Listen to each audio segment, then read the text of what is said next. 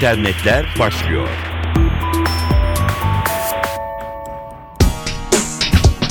Merhaba, dijital dünyanın gelişmelerini aktaracağız.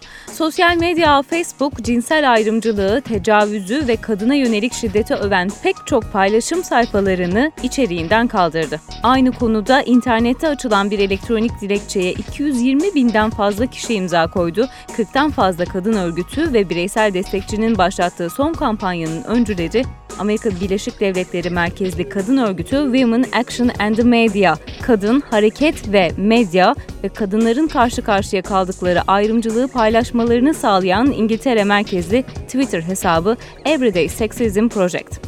Kampanyanın destekçileri Facebook'a gönderdikleri açık mektupta Facebook'ta tecavüz ve şiddet içeren paylaşımlara karşı acil, kapsamlı ve etkili önlemler alınmasını talep etti. Ayrıca Facebook kullanıcıları bu tür paylaşımların bulunduğu sayfalarda reklamları yayınlanan şirketlere elektronik posta mesajları göndererek protesto etmeye teşvik edildi.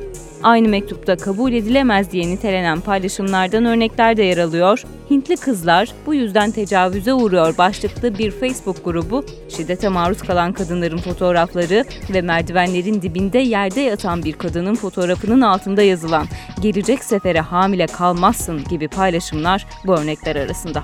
Everyday Sexism Project kurucusu Laura Bates, kampanyanın ortaya çıkış nedenini pek çok kadının duyduğu hayal kırıklığı ve hüsran olarak niteliyor. Facebook, nefret, şiddet ve ayrımcılık içeren paylaşımların sitede yeri olmadığını söylüyor. Ancak sosyal ağ, bazı kullanıcılar tarafından bu kategoride görülen kimi paylaşımların Facebook'un kullanım şartlarını ihlal etmediğini de savunuyor. Araştırma şirketi Spotistic'in Foursquare verilerini kullanarak hazırladığı raporla devam edelim. Aynı araştırma şirketinin bir başka sonucunu daha önce de sizlerle paylaşmıştık. İstanbul Atatürk Havalimanı yer bildirim ağı Foursquare'de Avrupa'nın en çok çekin yapılan, yer bildirimi yapılan havalimanı olmuştu. Şampiyonlar Ligi finali öncesinde Avrupa'daki takımlar ve stadyumları mercek altına alan ve ortaya koyan bir başka rapordan da ilginç sonuçlar çıktı. Avrupa'nın tüm futbol stadyumlarına göre ilk 10 içerisinde Türkiye'den sadece bir stat en çok çekim yapılanlar listesine girdi.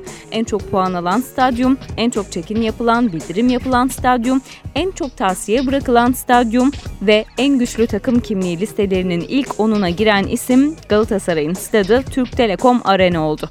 Galatasaraylılar görünen o ki stadyumlarına girdiklerinde bunu sosyal medyadan en çok duyurmayı isteyen taraftar topluluğu. Aynı listelerdeki birincilik ise genellikle Barcelona'nın stadyumu Camp Nou oldu. Mikroblog sitesi Twitter yeni güvenlik önlemlerini hayata geçirdi. Kullanıcılar Twitter hesaplarına iki basamaklı bir yolla bağlanabilecekler. İki aşamalı bağlanma bir seçenek şu anda. Şimdilik isteğe bağlı. Ancak Twitter'ın açıklamasına göre ileride daha zorlayıcı güvenlik önlemleri gelebilir. Twitter siteye bağlanırken kullanıcıların telefon numaralarını kaydetmelerini istiyor ve girilen numara bu şekilde doğrulanıyor. Site ayrıca phishing olarak adlandırılan bazı hesap çalma girişimlerine karşı ise kullanıcılardan elektronik posta adreslerini doğrulamalarını istiyor. Hayatımızın bir parçası haline gelen teknolojik cihazlar olmaksızın birkaç gün geçirmek mümkün mü? Mesela telefon, internet ve televizyonun olmadığı bir tatil.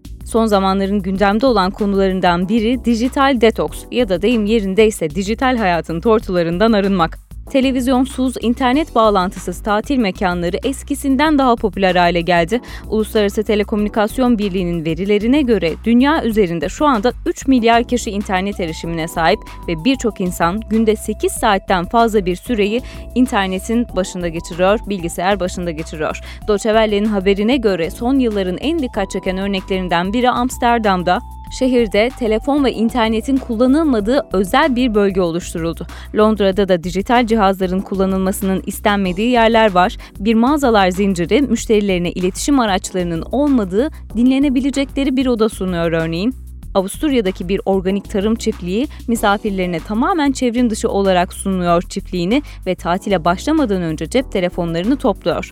Stres uzmanı Mazda Adli, telefon ve internet karşıtı bu akımdan memnun herkese cep telefonlarını günde birkaç saatliğine kapatmayı tavsiye ediyor.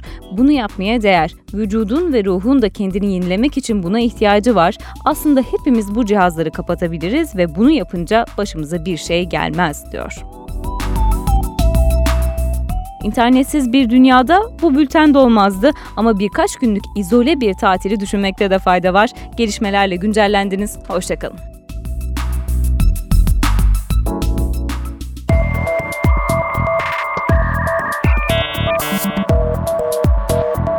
İnternetler sona erdi.